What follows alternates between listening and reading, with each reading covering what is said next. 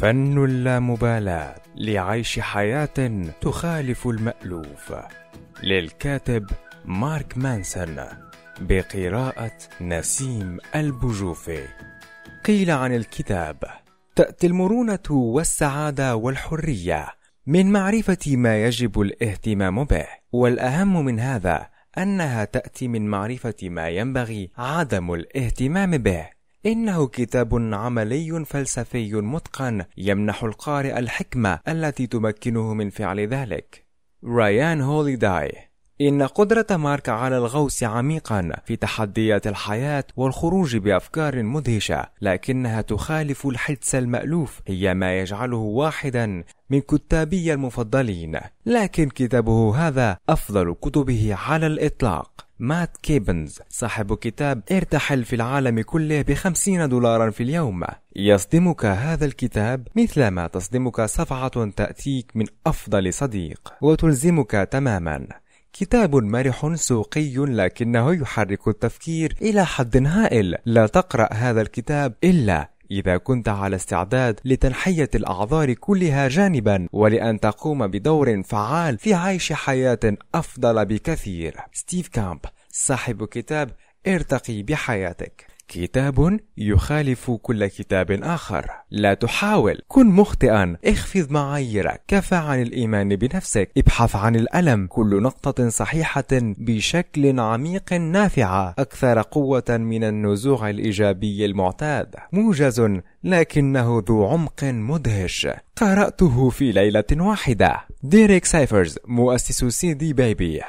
دليل غير مجامل إلى العيش باستقامة والعثور على السعادة. مواضع مؤلمة أحيانا. كتاب كله أفكار تخالف الحدس المعتاد لكنها منطقية جدا في أحيان كثيرة. كتاب تسرك قراءته ويستحق القراءة مرة أخرى. أداة قياس جيدة ينبغي تقييم كتب التطوير الذاتي الأخرى بها. الفصل الأول لا تحاول. كان تشارلز بوكوفسكي مدمنا على الكحول وكان مقامرا وزير نساء وبخيلا أخرق ومتهربا من سداد ديونه وكان في أسوأ أيامه شاعرا. لعله آخر شخص على وجه الأرض. يمكن أن تلتفت إليه طالبا منه نصيحة من أجل حياتك. أو آخر شخص يمكن أن تصادفه في أي نوع من أنواع كتب المساعدة الذاتية وتطوير الذات أو السلف هلب. وهذا ما يجعله نقطة بداية مثالية لهذا الكتاب.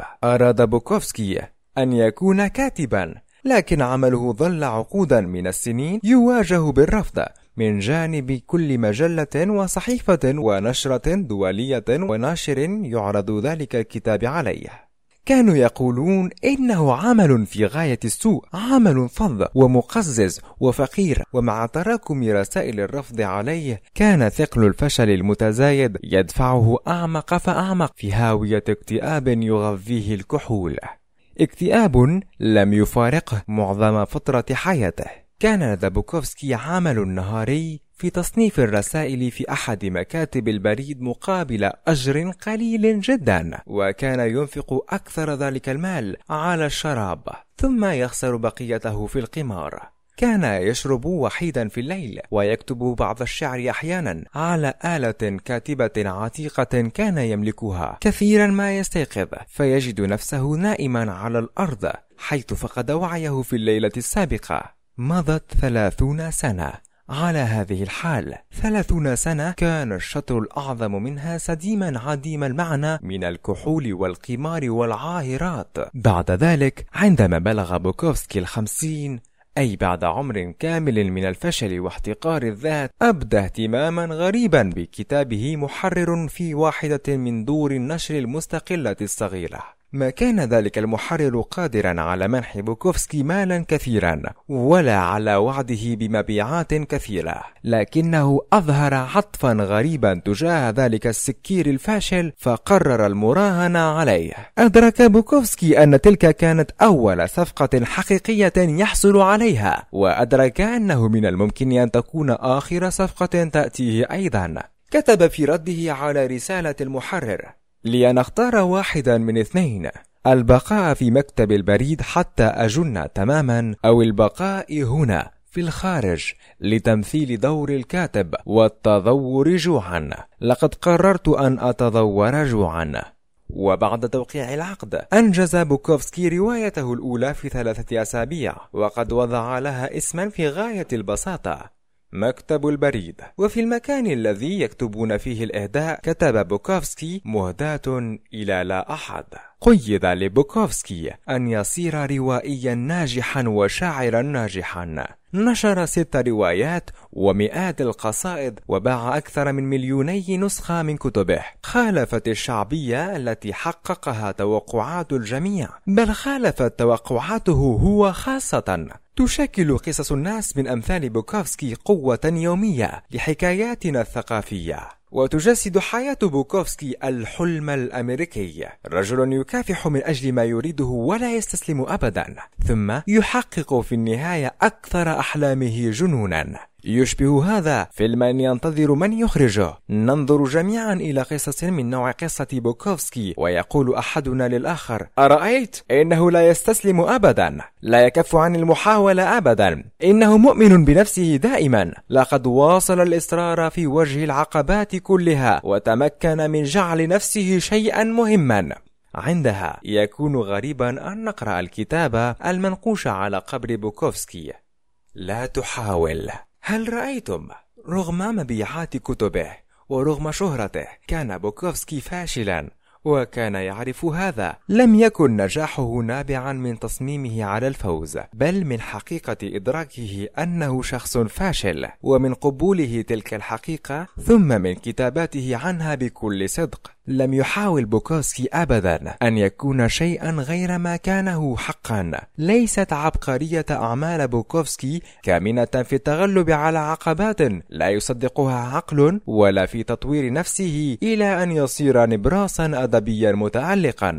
كان الأمر عكس ذلك تماما. إن قابليته البسيطة لأن يكون صادقا مع نفسه كل الصدق من غير أن يحيد عن ذلك قيد أنمل بل صادقا مع أسوأ ما فيه خاصة أو أن يتحدث عن إخفاقاته من غير أي تردد أو شك. تلكم هي القصة الحقيقية لنجاح بوكوفسكي. إحساسه بالراحة تجاه فشله. لم يكن بوكوفسكي مباليا بالنجاح وحتى بعد أن صار شهيرا ظل يستقبل في لقاءات قراءته الشعرية أشخاصا بؤساء أساءت إليهم الحياة إساءة حقيقية. ظل يكشف عن عريه أمام الناس ويحاول أن ينام مع كل امرأة يستطيع العثور عليها. لم يجعله النجاح والشهرة شخصا أحسن من ذي قبل ولم يصبح ناجحا شهيرا عن طريق تحوله إلى شخص أفضل.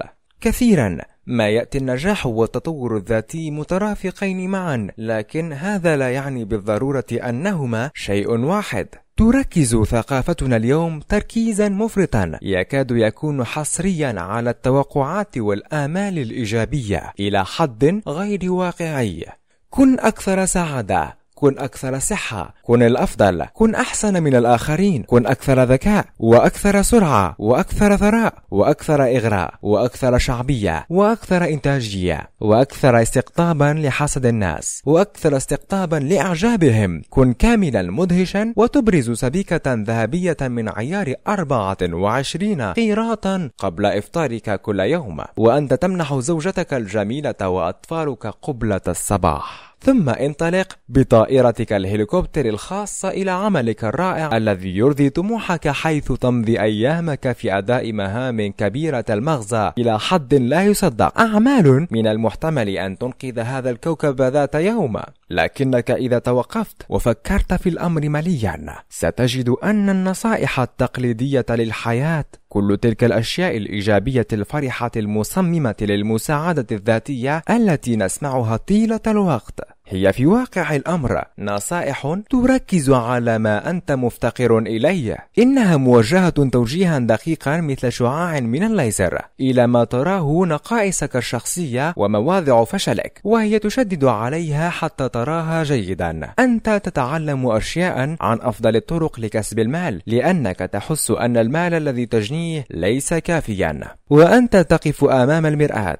وتكرر عبارات تؤكد بها لنفسك على أنك شخص جميل. لأنك تحس كما لو أنك لست جميلا حقا. وأنت تتبع النصائح المتعلقة بالعلاقات والمواعدة. لأنك تحس نفسك شخصا لا يمكن أن يحبه أحد على نحو طبيعي. وأنت تجرب تمرينات غبية حمقاء. تتصور نفسك من خلالها شخصا أكثر نجاحا. لأنك لا ترى نفسك ناجحا بما فيه الكفاية. والمفارقة المضحكة في ذلك كله أن هذا التركيز الشديد على ما هو إيجابي على ما هو أكثر تفوقا. لا يفعل شيئا غير تذكيرنا مرة بعد مرة بما لسنا عليه أو بما نحن مفتقرون إليه أو بما يجب أن نكون لولا فشلنا. في آخر المطاف ندرك كلنا أن ما من امرأة سعيدة حقا تجد في نفسها حاجة إلى الوقوف أمام المرآة لتكرر القول إنها سعيدة إنها سعيدة بالفعل.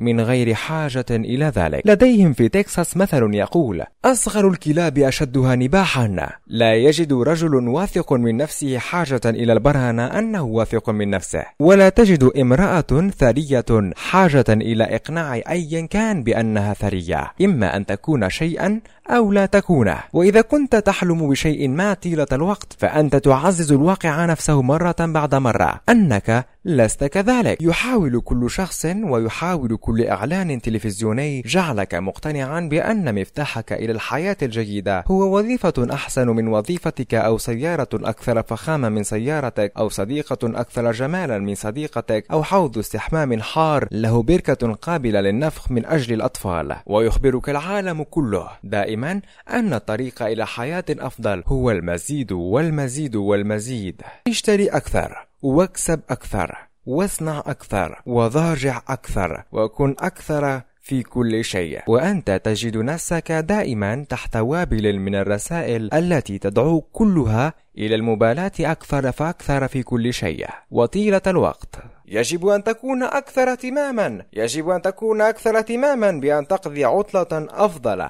من التي يقضيها بقية زملائك. ويجب أن تهتم أكثر بشراء تلك التزيينات الجديدة الجميلة التي توضع على المرج في حديقة بيتك. عليك أيضا أن تهتم بالحصول على النوع الصحيح من عصا السيلفي. لماذا؟ أظن أن الإجابة بسيطة. وهي لأن الاهتمام أكثر بأشياء أمر ملائم تماما لمصالح الشركات. صحيح أنه ما من شيء خاطئ في الحصول على وظيفة جيدة، إلا أن المبالغة في الاهتمام بذلك أمر سيء لصحتك العقلية. إنه يجعلك زائد التعلق بما هو سطحي مزيف ويجعلك تكرس حياتك لملاحقة سراب سعادة أو إحساس بالرضا. ليست شدة الاهتمام بالحصول على ما هو أكثر مفتاحا لحياة جيدة. ليست شدة الاهتمام بالحصول على ما هو أكثر مفتاح لحياة جيدة. بل المفتاح هو الاهتمام أقل الاهتمام المقتصر على ما هو حقيقي آني هام.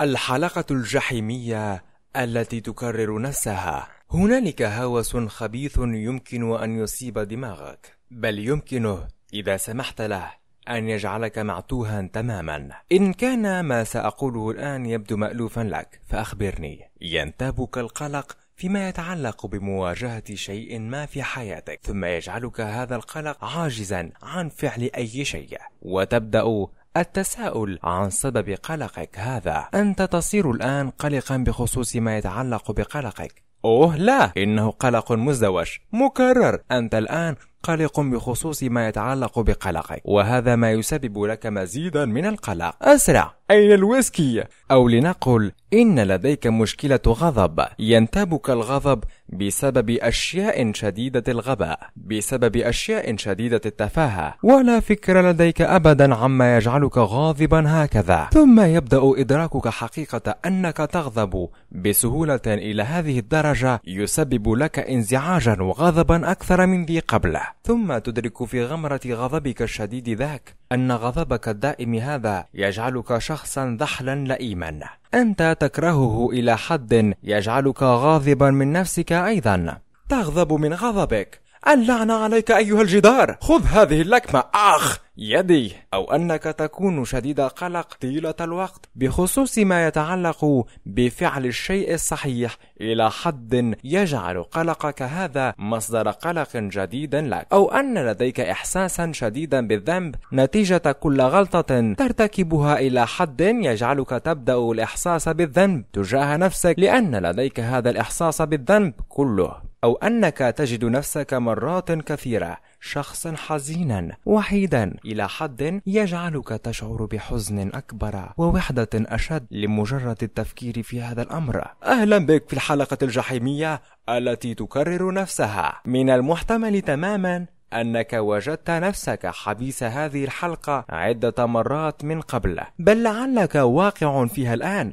وفي هذه اللحظة. يا إلهي إنني أقع في هذه الحلقة الجحيمية التي تكرر نفسها طيلة الوقت. كم أنا فاشل لأن هذا يحدث لي دائما. علي أن أتوقف. آه يا إلهي أحس نفسي شخصا فاشلا تماما لأنني أدعو نفسي فاشلا. يجب أن أتوقف عن إطلاق هذه الصفة على نفسي. أوه اللعنة على كل شيء. إنني أفعلها من جديد. ألا ترون أنني شخص فاشل؟ يا للهول. اهدأ يا صديقي اسمع. ثم لك أن تصدق أو لا تصدق. هذا جزء من جمال أن تكون إنسانا. سوف أقول لك قبل كل شيء. قليلة جدا هي الحيوانات التي تمتلك قدرة على التفكير في أشياء تقنع نفسها بها. وأما نحن البشر فلدينا رفاهية قدرة امتلاك أفكار عن أفكارنا. وهكذا فإنني قادر على التفكير في مشاهدة بعض الفيديوهات على اليوتيوب. ثم أبدأ التفكير مباشرة في أنني شخص مختل عقليا لأنني أريد أن أرى تلك الفيديوهات على يوتيوب. أوه! إنها أعجوبة العقل البشري. ها هي مشكلتنا الآن. إن مجتمعنا اليوم من خلال الأعاجيب التي تفعلها بنا ثقافة الاستهلاك ورسائل من قبيل. انظر حياتي أجمل من حياتك. التي تمطرنا بها وسائل التواصل الاجتماعي. قد أنتج جيلا كاملا من الناس الذين يظنون أن امتلاك هذه التعابير السلبية القلق والخوف والإحساس بالذنب إلى آخره. أمر غير جيد على الإطلاق. ما أعنيه هو أنك إذا نظرت إلى ما يأتيك عبر فيسبوك فأنت تجد أن كل شخص في العالم يعيش وقتا رائعا. انظر تزوج ثمانية أشخاص هذا الأسبوع وقد ظهرت على التلفزة فتاة في السادسة عشر من عمرها حصلت على سيارة فيراري هدية في عيد ميلادها وهنالك طفل آخر كسب مليوني دولار لأنه اخترع تطبيقا يزودك أوتوماتيكيا بمزيد. من ورق المرحاض. إذا نفذ ما لديك منه. أما أنت فإنك جالس في بيتك. تنظف أسنان قطتك. لا يمكنك التفكير عند ذلك. إلا في أن حياتك بائسة بل إنك تراها بائسة أكثر حتى أكثر مما كنت تظن. لقد صارت الحلقة الجحيمية التي تكرر نفسها جائحة متفشية في كل مكان وهي تجعل الكثير منا واقعين تحت ضغط نفسي زائد. تجعلهم متوتري الأعصاب كثيرا وتجعلهم يكرهون أنفسهم إلى حد مبالغ فيه.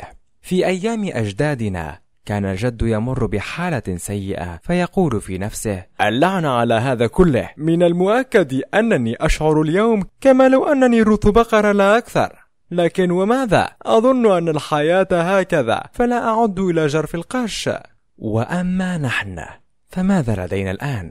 الآن إذا انتابك شعور سيء تجاه نفسك ولو مدة خمسة دقائق فقط فإنك تجد نفسك على الفور أمام مئات الصور لأشخاص سعداء تماما يعيشون حياة مدهشة إلى أقصى حد. ويصير من المستحيل أن ترد على نفسك الإحساس بأن فيك بالتأكيد أشياء غير صحيحة حتى يكون وضعك أقل منهم. هذا الجزء الأخير. هو ما يجعلنا نعاني نشعر بالسوء لأننا نشعر بالذنب ونغضب لأننا نشعر بالغضب ونقلق لأننا نشعر بالقلق. أوف ما هي مشكلتي؟ هذا ما يجعل اللامبالاة امرا حسنا. هذا ما يجعل عدم الإفراط في الاهتمام هو ما سينقذ العالم وسوف تنقذه أنت من خلال قبولك أن العالم مكان سيء وأن هذا شيء لا بأس به لأن العالم كان هكذا على الدوام ولأنه سيظل هكذا على الدوام. من خلال عدم اكتراثك بأن يكون لديك شعور سيء فإنك تبطل مفعول تلك الحلقة الجحيمية التي تكرر نفسها. أنت تقول لنفسك لدي إحساس سيء. حسنا ما أهمية هذا؟ ثم وكأن أحدا رشك بمسحوق اللامبالاة السحرية. تجد أنك قد توقفت عن كره نفسك لأنك تشعر بهذا السوء كله. إن قدرة المرء على رؤية ما هو أمام أنفه تماما. لقد قال جورج أورويل إن قدرة المرء على رؤية ما هو أمام أنفه تماما في حاجة إلى نضال مستمر. حسن جدا. إن الحل لقلقنا وتوترنا موجود أمام أنوفنا تماما لكننا منشغلون عنه. بمشاهدة الأفلام الإباحية والإعلانات عن آلات اللياقة البدنية التي لا نفع منها إلى حد يجعلنا غير قادرين على رؤية ذلك الحل. لأننا نمضي أوقاتنا في التساؤل عن السبب الذي يجعلنا غير قادرين على لفت أنظار فتاة شقراء مثيرة بعضلات بطوننا المشدودة. نتبادل عبر الإنترنت نكاتا عن مشكلات العالم الأول. لكننا صرنا ضحايا نجاحنا في حقيقة الأمر. المشكلات الصحية الناجمة عن الشدة النفسية واضطرابات القلق وحالات الاكتئاب التي شهدت زيادة صاروخية خلال ثلاثين عاما مضت. رغم أن كلا منا صارت لديه شاشة تلفزيون مسطحة وصار قادرا على طلب مشترياته إلى البيت. لم تعد أزمتنا مادية بل هي أزمة وجودية أزمة روحية لدينا كثرة زائدة إلى حد يجعلنا غير عارفين بالشيء الذي يجب أن نمنحه اهتمامنا. وبما أن هنالك الآن كمية لا نهاية لها من الأشياء التي نستطيع رؤيتها أو معرفتها فإن هنالك أيضا عددا لا نهاية له من الطرق التي تسمح لنا باكتشاف أننا لسنا أهلا لذلك وأننا لسنا جيدين كما يجب وأن الأشياء ليست عظيمة رائعة كما يمكن أن تكون وهذا كله يمزقنا من الداخل. نحن نتمزق من الداخل لأن هناك ذلك الشيء الخاطئ في طوفان الهراء الذي يأتينا تحت عنوان كيف تكون سعيدا؟ والذي جرت مشاركته على فيسبوك ثمانية ملايين مرة خلال السنوات القليلة الماضية. هاكم ما لا يدركه أحد فيما يتعلق بهذا الكلام الفارغ كله. إن الرغبة في مزيد من التجارب الإيجابية تجربة سلبية في حد ذاتها والمفارقة أن قبول المرء تجاربه السلبية تجربة إيجابية في حد ذاتها. نعيدها من جديد. إن الرغبة في مزيد من التجارب الإيجابية تجربة سلبية في حد ذاتها. والمفارقة أن قبول المرء تجاربه السلبية تجربة إيجابية في حد ذاتها. هذا شيء يتعب العقل حقا. لا بأس. سوف أعطيكم الآن دقيقة لإراحة عقولكم. وربما للاستماع إلى ذلك من جديد. الرغبة في التجارب الإيجابية تجربة سلبية وقبول التجارب السلبية تجربة إيجابية. هذا ما كان الفيلسوف آلان وات يشير إليه باسم القانون التراجعي أي فكرة أنك كلما سعيت إلى أن يكون إحساسك أفضل طيلة الوقت كلما تناقض رضاك لأن ملاحقة شيء ما لا تفعله إلا تعزيز حقيقة أنك مفتقر إلى ذلك الشيء أصلا. كلما كنت شديد الرغبة. في أن تكون ثريا كلما شعرت بأنك فقير لا قيمة له. وذلك بصرف النظر عن مقدار ما تجنيه من مال في واقع الأمر. وكلما ازدادت رغبتك في أن تكوني جذابة مثيرة مرغوبة. كلما صرت ترين نفسك أكثر بشاعة. وذلك بصرف النظر عن مظهرك الجسدي الحقيقي. وكلما اشتدت رغبتك في أن تكوني سعيدة محبوبة كلما صرت أكثر إحساسا بالوحدة والخوف بغض النظر عن أولئك الموجودين من حولك. وكلما ازداد حرصك على أن تكون مستنيرا من الناحية الروحية كلما صرت أكثر ضحالة وتمركزك حول نفسك رغم سعيك الجاد إلى اكتساب البصيرة الروحية العميقة. يشبه هذا ما حدث لي عندما دست في بقعة من أسيد حارق فصرت أحس البيت يبتعد عني كلما سرت في اتجاهه أكثر. نعم إنني أستخدم هذه الهلوسة عن الأسيد الحارق لكي أوضح نقطة فلسفية تتعلق بالسعادة. هل هو سخف؟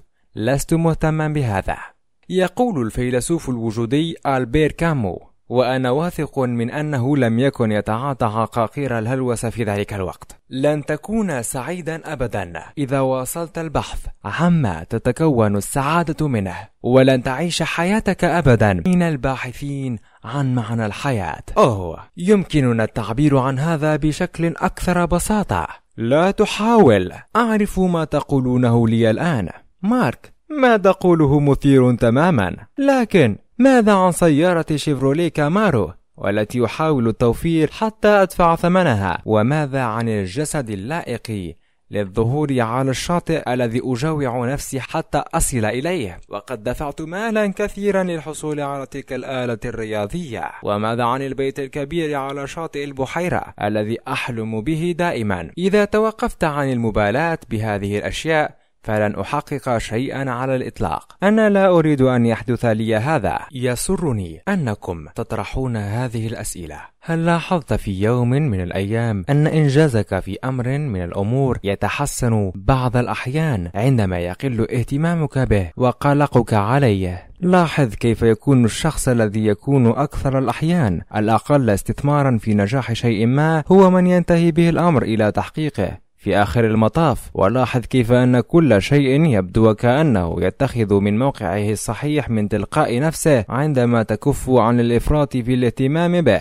فما يعني هذا؟ ما يثير اهتمامي في القانون التراجعي هو أنه يدعى بالتراجعي لسبب وجيه. إن لعدم المبالغة في الاهتمام مفعولا عكسيا. إذا كانت ملاحقة ما هو إيجابي أمرا سلبيا فإن ملاحقة السلبي تولد ما هو إيجابي. الألم والمشقة اللذين يعرض المرء نفسه لهما في صالة التمرينات الرياضية يؤديان إلى صحة أفضل وإلى طاقة أكبر. وحالات الفشل في الأعمال هي ما تقود إلى فهم أفضل لما هو ضروري من أجل تحقيق النجاح. والأمر الغريب هو أن كونك منفتحا على منابع قلة أمانك يجعلك أكثر ثقة بنفسك ويجعل الآخرين أكثر إعجابا بك. إن ألم المواجهة الصادقة هو ما يولد أكبر قدر من الثقة بك ويولد احترامك لدى معارفك كما أن معاناتك عندما تجتاز مخاوفك وكل ما يقلقك هي ما يسمح لك ببناء شجاعتك ومثابرتك. أستطيع مواصلة طرح الأمثلة لكن الفكرة وصلت. ألم تصل؟ كل ما له قيمة في الحياة. يجري كسبه من خلال التغلب على التجارب السلبية التي ترافقه. وأي محاولة للهروب من السلبي أو لتجنبه أو لإسكاته أو لقمعه لن يكون لها إلا أثر عكسي. تجنب المعاناة ليس إلا شكلا من أشكال المعاناة نفسها. وتجنب الصراع صراع في حد ذاته. وإنكار الفشل فشل بدوره. وإخفاق ما نخجل منه هو خجل نظهره. الألم خيط من خيوط نسيج الحياة وليس اقتلاعه من ذلك النسيج أمرا مستحيلا فحسب بل هو يدمر النسيج نفسه تؤدي محاولة اقتلاعه إلى تفكيك كل ما هو مرتبط به.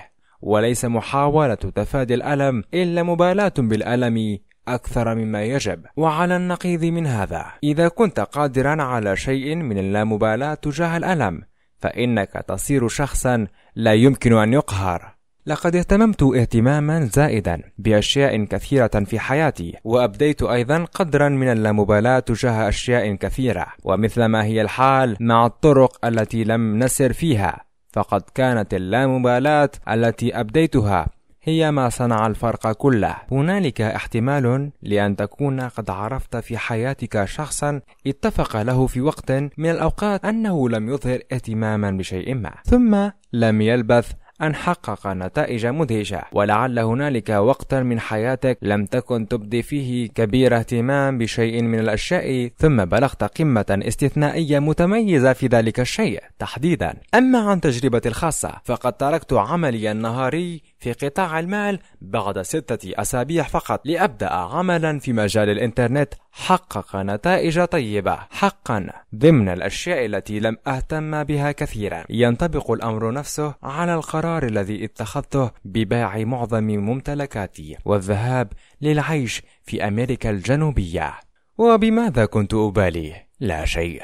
ذهبت وفعلت ذلك فقط. إن تلك اللحظات من الاهتمام هي اللحظات التي تحدد مسار حياتنا أكثر من غيرها. التحولات الكبرى في حياة المرء المهنية والاختيار العفوي لترك الدراسة والانضمام إلى فرقة غنائية والقرار بالتخلص أخيرا من الصديق المزعج الذي ضبطته عدة مرات مرتديا. ملابسك الداخلية.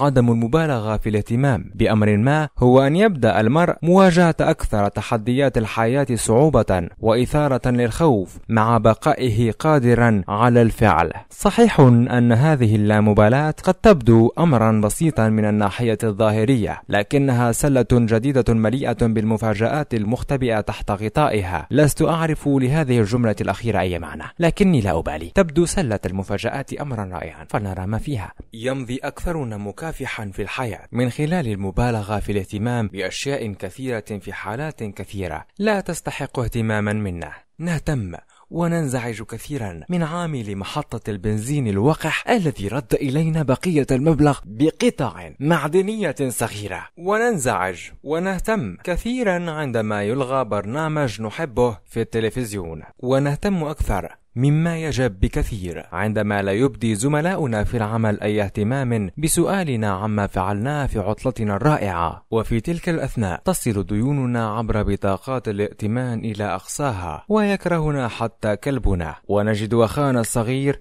يتناول المخدرات في الحمام. لكننا نظل مصرين على الانزعاج من القطع النقدية الصغيرة ومن إلغاء برنامجنا المفضل في التلفزيون. انظر جيدا هكذا يجري الأمر. سوف تموت في يوم من الأيام.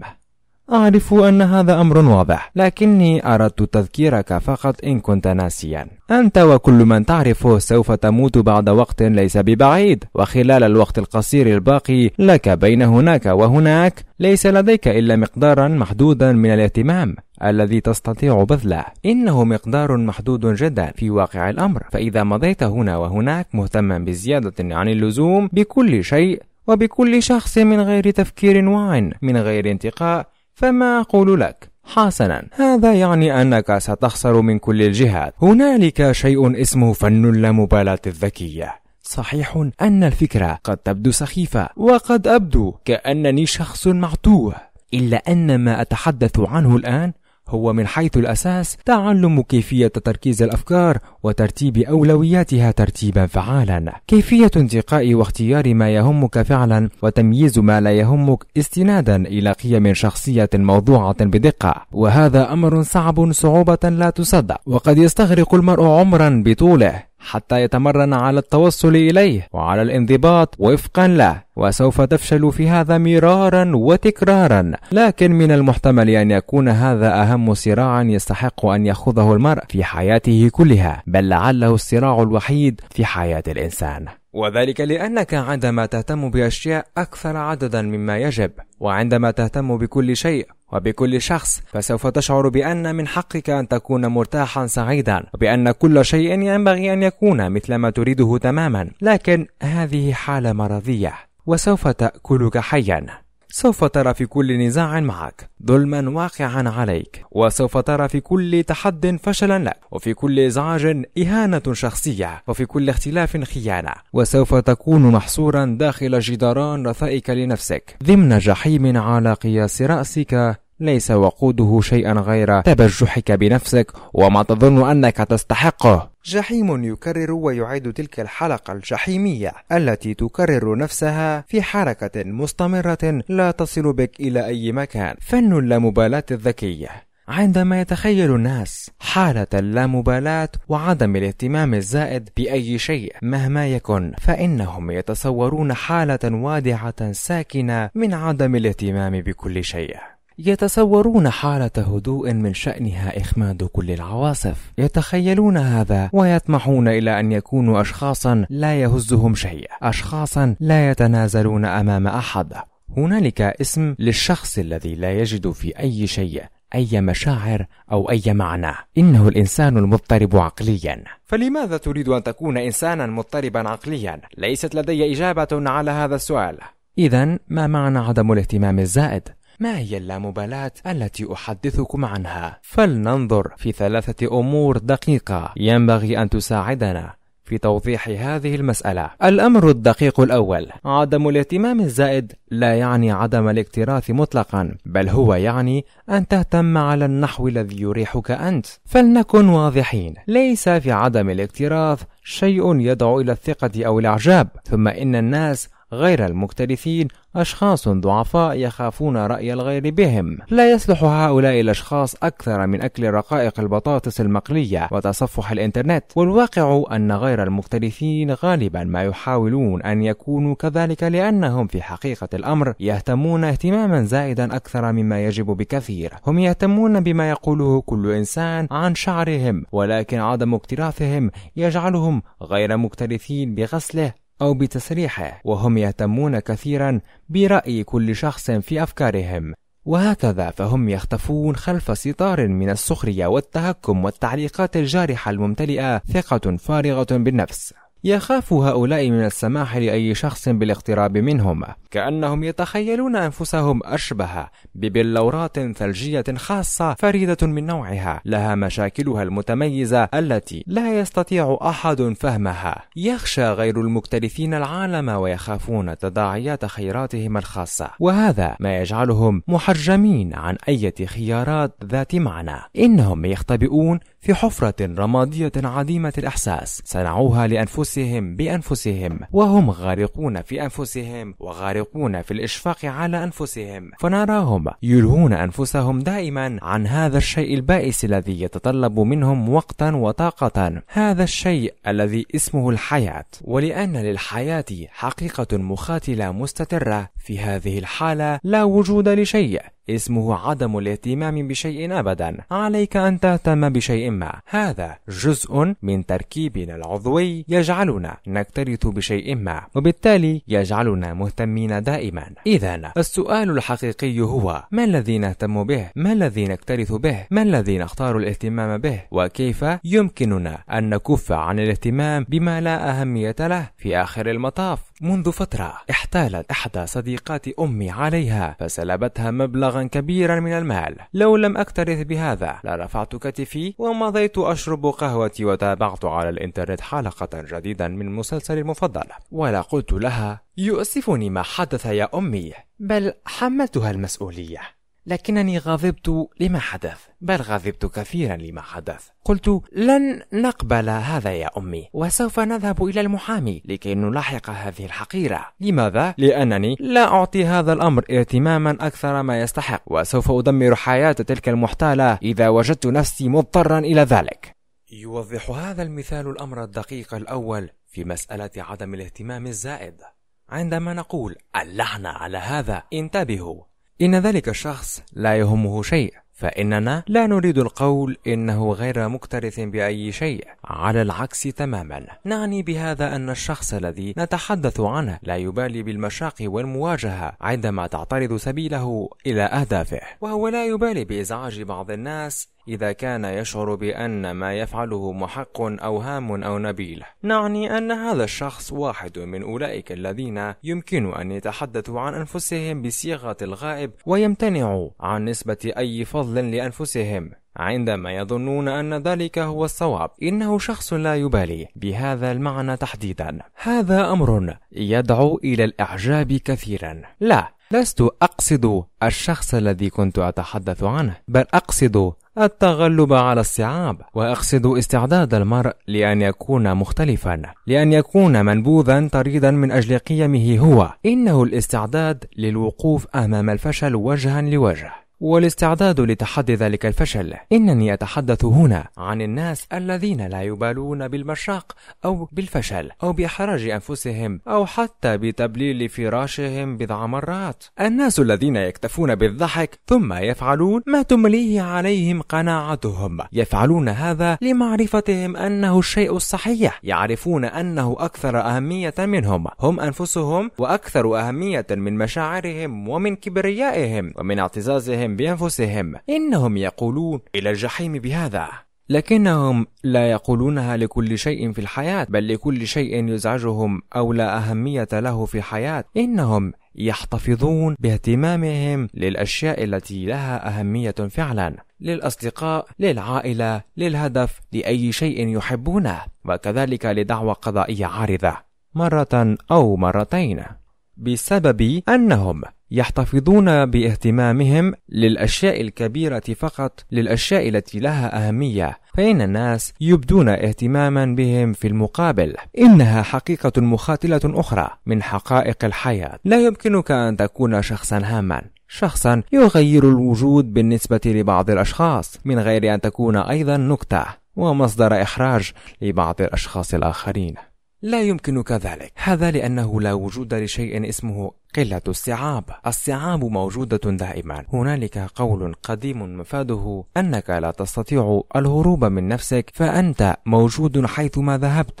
لا بأس إذا. يصح الأمر نفسه على الصعاب وعلى الفشل. وستجد أينما ذهبت 500 كيلوغرام من القاذورات في انتظارك. هذا أمر لا بأس به أبدا. الفكرة هي أن تجد حلا يناسبك. أن تتدبر أمرها وتجد حلا. الأمر الدقيق الثاني حتى لا تهمك الصعاب لا بد لك أولا الاهتمام بشيء أكثر أهمية منها. تخيل أنك في أحد المتاجر وأنك ترى سيدة متقدمة في السن تصرخ على موظف المحاسبة وتوبخه. لأنه لم يقبل كوبون شراء قيمته 30 سنتا. لماذا تهتم هذه السيدة بالأمر؟ إنها 30 سنتا فحسب. سوف أخبركم عن السبب. لعل تلك السيدة ليس لديها شيئا تمضي فيها أيامها أفضل من الجلوس في بيتها وقص هذه الكوبونات. إنها وحيدة متقدمة في السن أولادها حمقى ولا يزورونها أبدا كما أنها لا تمارس الجنس منذ أكثر من ثلاثين عاما ولعلها لا تستطيع أن تتحرك من غير أن يصيبها ألم شديد في أسفل ظهرها. راتبها التقاعدي منخفض جدا ومن المحتمل أن تموت وهي امرأة خرفة تبلل فراشها. ولهذا فإنها تقص هذه الكوبونات حيث تجدها. وهذا كل ما لديها. إنها وحيدة مع كوبوناتها تلك. فهذا كل ما يمكنها الاهتمام به لأن لا شيء آخر لديها يشغل اهتمامها. وهكذا عندما يرفض موظف المحاسبة ذو السبعة عشر عاما بوجهه الممتلئ بثورا.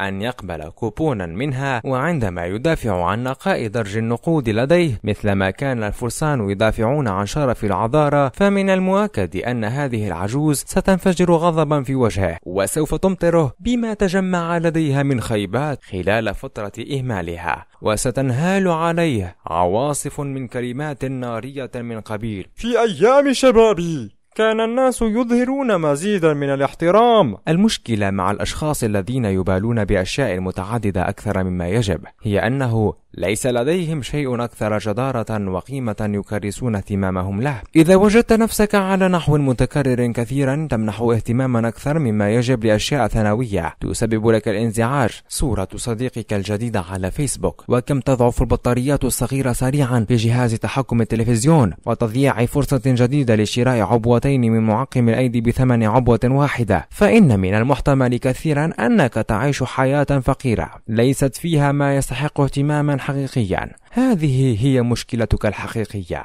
إن مشكلتك الحقيقية ليست في الصورة ولا في معقم الأيدي ولا في بطاريات جهاز التحكم عن بعد. سمعت أحد الفنانين يقولون ذات مرة إنه إذا لم يكن لدى الشخص مشكلات فإن عقله يبحث تلقائيا عن طريقة لاختراعها. وأظن أن أكثر الناس المتعلمون خاصة أولئك المدلولون من أبناء الطبقة الوسطى البيض يظنون أن مشاكل الحياة ليست في الحقيقة إلا أثرا جانبيا. لعدم وجود أشياء أكثر أهمية يمكن للإنسان أن يقلق بشأنها. ينتج عن هذا أن عثورك على شيء هام له معنى حقيقي في حياتك. قد يكون أفضل طريقة لاستخدام وقتك وطاقتك. وهذا لأنك إذا لم تجد ذلك الشيء الذي له معنى حقا فإن اهتمامك سوف يتجه إلى أشياء لا معنى لها وإلى قضايا تافهة. الأمر الدقيق الثالث سواء أدركت هذا أو لم تدركه فإنك تختار دائما ما تمنحه اهتماما. لا يولد الناس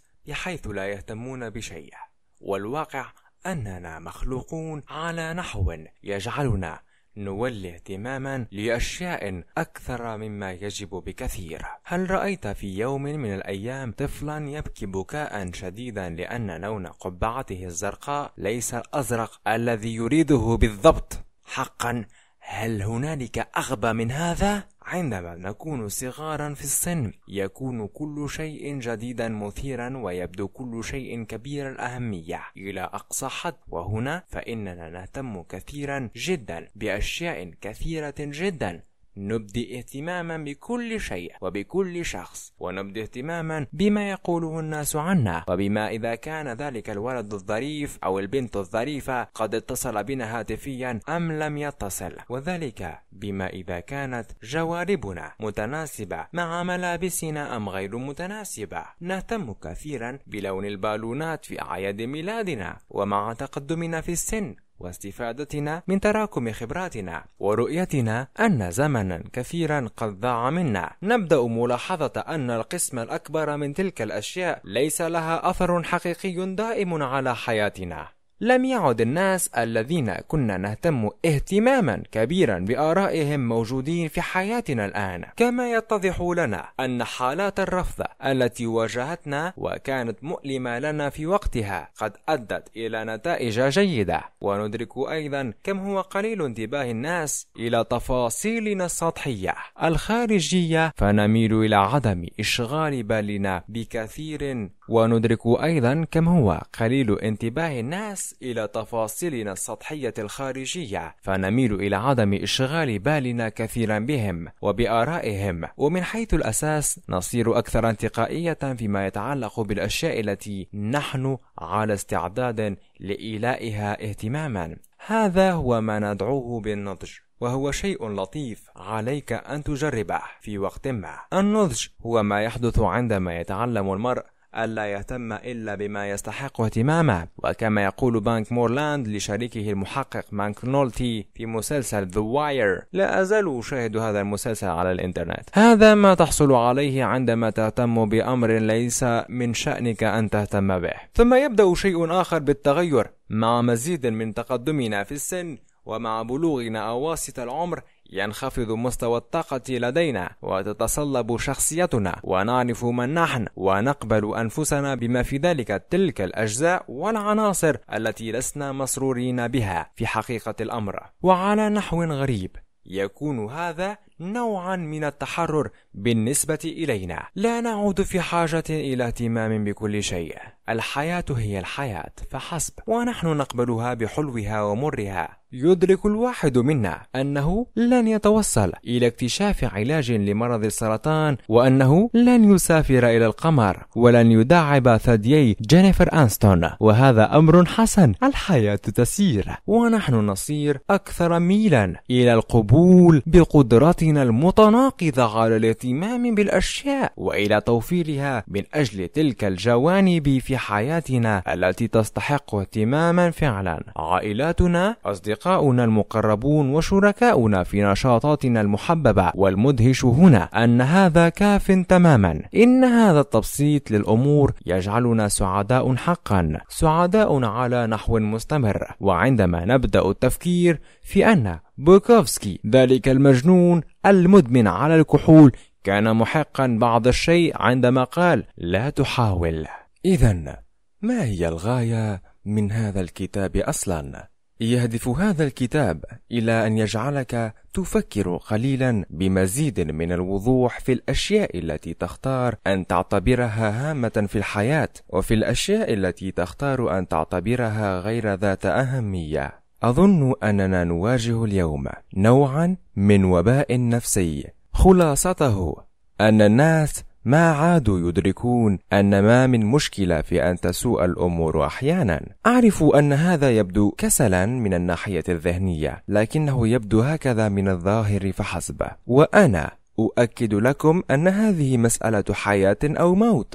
وذلك لأننا عندما نرى أن ليس من المقبول أبدا. أن تسوء بعض الأمور أحيانا فإننا نبدأ على نحو غير واع بإلقاء اللوم على أنفسنا. نبدأ الإحساس بأن فينا شيئا مغلوطا على نحو عميق وهذا ما يدفع بنا إلى مختلف أنواع المبالغة في التعويض عن ذلك الخلل الذي نتصوره. تعويض من قبيل شراء أربعين زوجا من الأحذية أو المبالغة في التهام الأدوية التي تحمي المعدة كلما تناولنا الكحول ليلة الثلاثاء أو إطلاق النار على باص مدرسة بكل ما فيه من أطفال.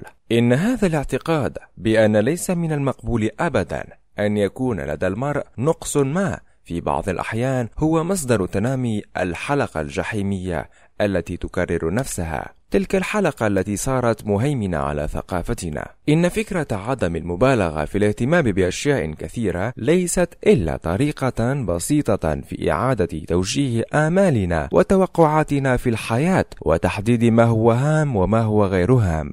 يقودنا تطوير هذه القدرة لدينا إلى شيء أحب اعتباره نوعا من الإشراق أو فلنسمه الاستنارة العلمية. لا إنها ليست تلك الراحة السحرية الأبدية. ليست هي نهاية أنواع المعاناة كلها. ليس ذلك النوع الخيالي التافه من الإشراق. بل على العكس تماما. إنني أعتبر الاستنارة العلمية نوعا من الإحساس بالراحة تجاه فكرة أن هنالك دائما قدرا من المعاناة لا يمكن تجنبه. وأن الحياة مكونة بصرف النظر عما يمكن أن نفعله من فشل ومن خسارة ومن ندم. ومن موت أيضا. عندما تكف عن الانزعاج من مختلف أنواع المساوئ التي ترميك الحياة بها سوف ترميك بها دائما صدقني. فإنك تصير شخصا منيعا تجاهها من غير أن تبذل في ذلك جهدا كبيرا. ففي نهاية المطاف تظل الطريقة الوحيدة للتغلب على الألم هي أن تتعلم أولا كيف تتحمل ذلك الألم. لا ينصب اهتمام هذا الكتاب أبدا على تخليصك من مشاكلك وآلامك. وهذا بالضبط ما سوف يجعلك تدرك أنه صادق معك. ليس هذا الكتاب دليلا يوجه خطاك إلى العظمة ولا يمكن أن يكون كذلك. هذا لأن العظمة ليست إلا وهما في أذهاننا. ليست إلا وجهة مختلفة نرغم أنفسنا على السير في اتجاهها. إنها فردوسنا النفسي السحري الكاذب. بدلا من ذلك يريد هذا الكتاب أن يحول ألمك إلى أداة في يدك وأن يحول معاناتك إلى طاقة وأن يحسن مشاكلك قليلا. هذا تقدم حقيقي. اعتبر هذا الكتاب دليلا لك فيما يتعلق بالمعاناة وكيفية التعامل معها بشكل أفضل وبشكل ذي معنى أكثر من ذي قبل مع مزيد من الإحساس بالآخرين ومزيد من التواضع. إنه كتاب عن كيف تكون حركتك خفيفة رغم ثقل أحمالك وكيف تتعامل بسهولة أكبر مع أسوأ مخاوفك وكيف تضحك من دموعك وأنت تذرفها. لن يعلمك هذا الكتاب كيف تكسب مالا أو كيف تحقق شيئا من الأشياء. بل سيعلمك كيف تخسر من غير أن تشكل الخسارة مصدر قلق كبير لك. وسوف يعلمك أن تنظر إلى ما في حياتك فتزيل منها كل ما فيها من سقط المتاع ومن سخط وتحتفظ بالأشياء الهامة فقط. سوف يعلمك كيف تغمض عينيك وتثق بأن من الممكن أن تسقط على ظهرك وتظل بخير رغم ذلك. سوف يعلمك كيف تصل إلى الاهتمام بعدد أقل من الأشياء وسوف يعلمك ألا تحاول.